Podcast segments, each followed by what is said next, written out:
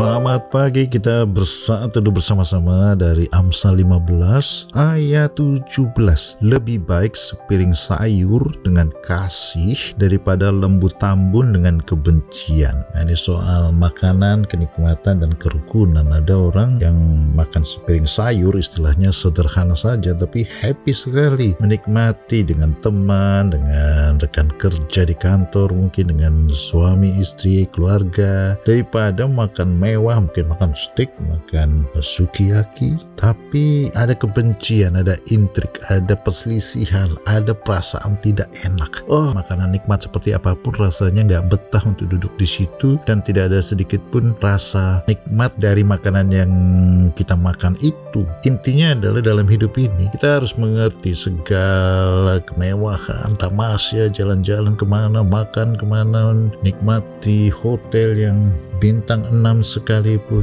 tidak bisa menggantikan kasih mesra, kerukunan, damai sejahtera, rasa nyaman, rasa adem bersama-sama orang yang kita kasihi. Jaga hubungan baik dengan sekeliling kita dan kita bisa menikmati hidup ini lebih baik lagi. Amin.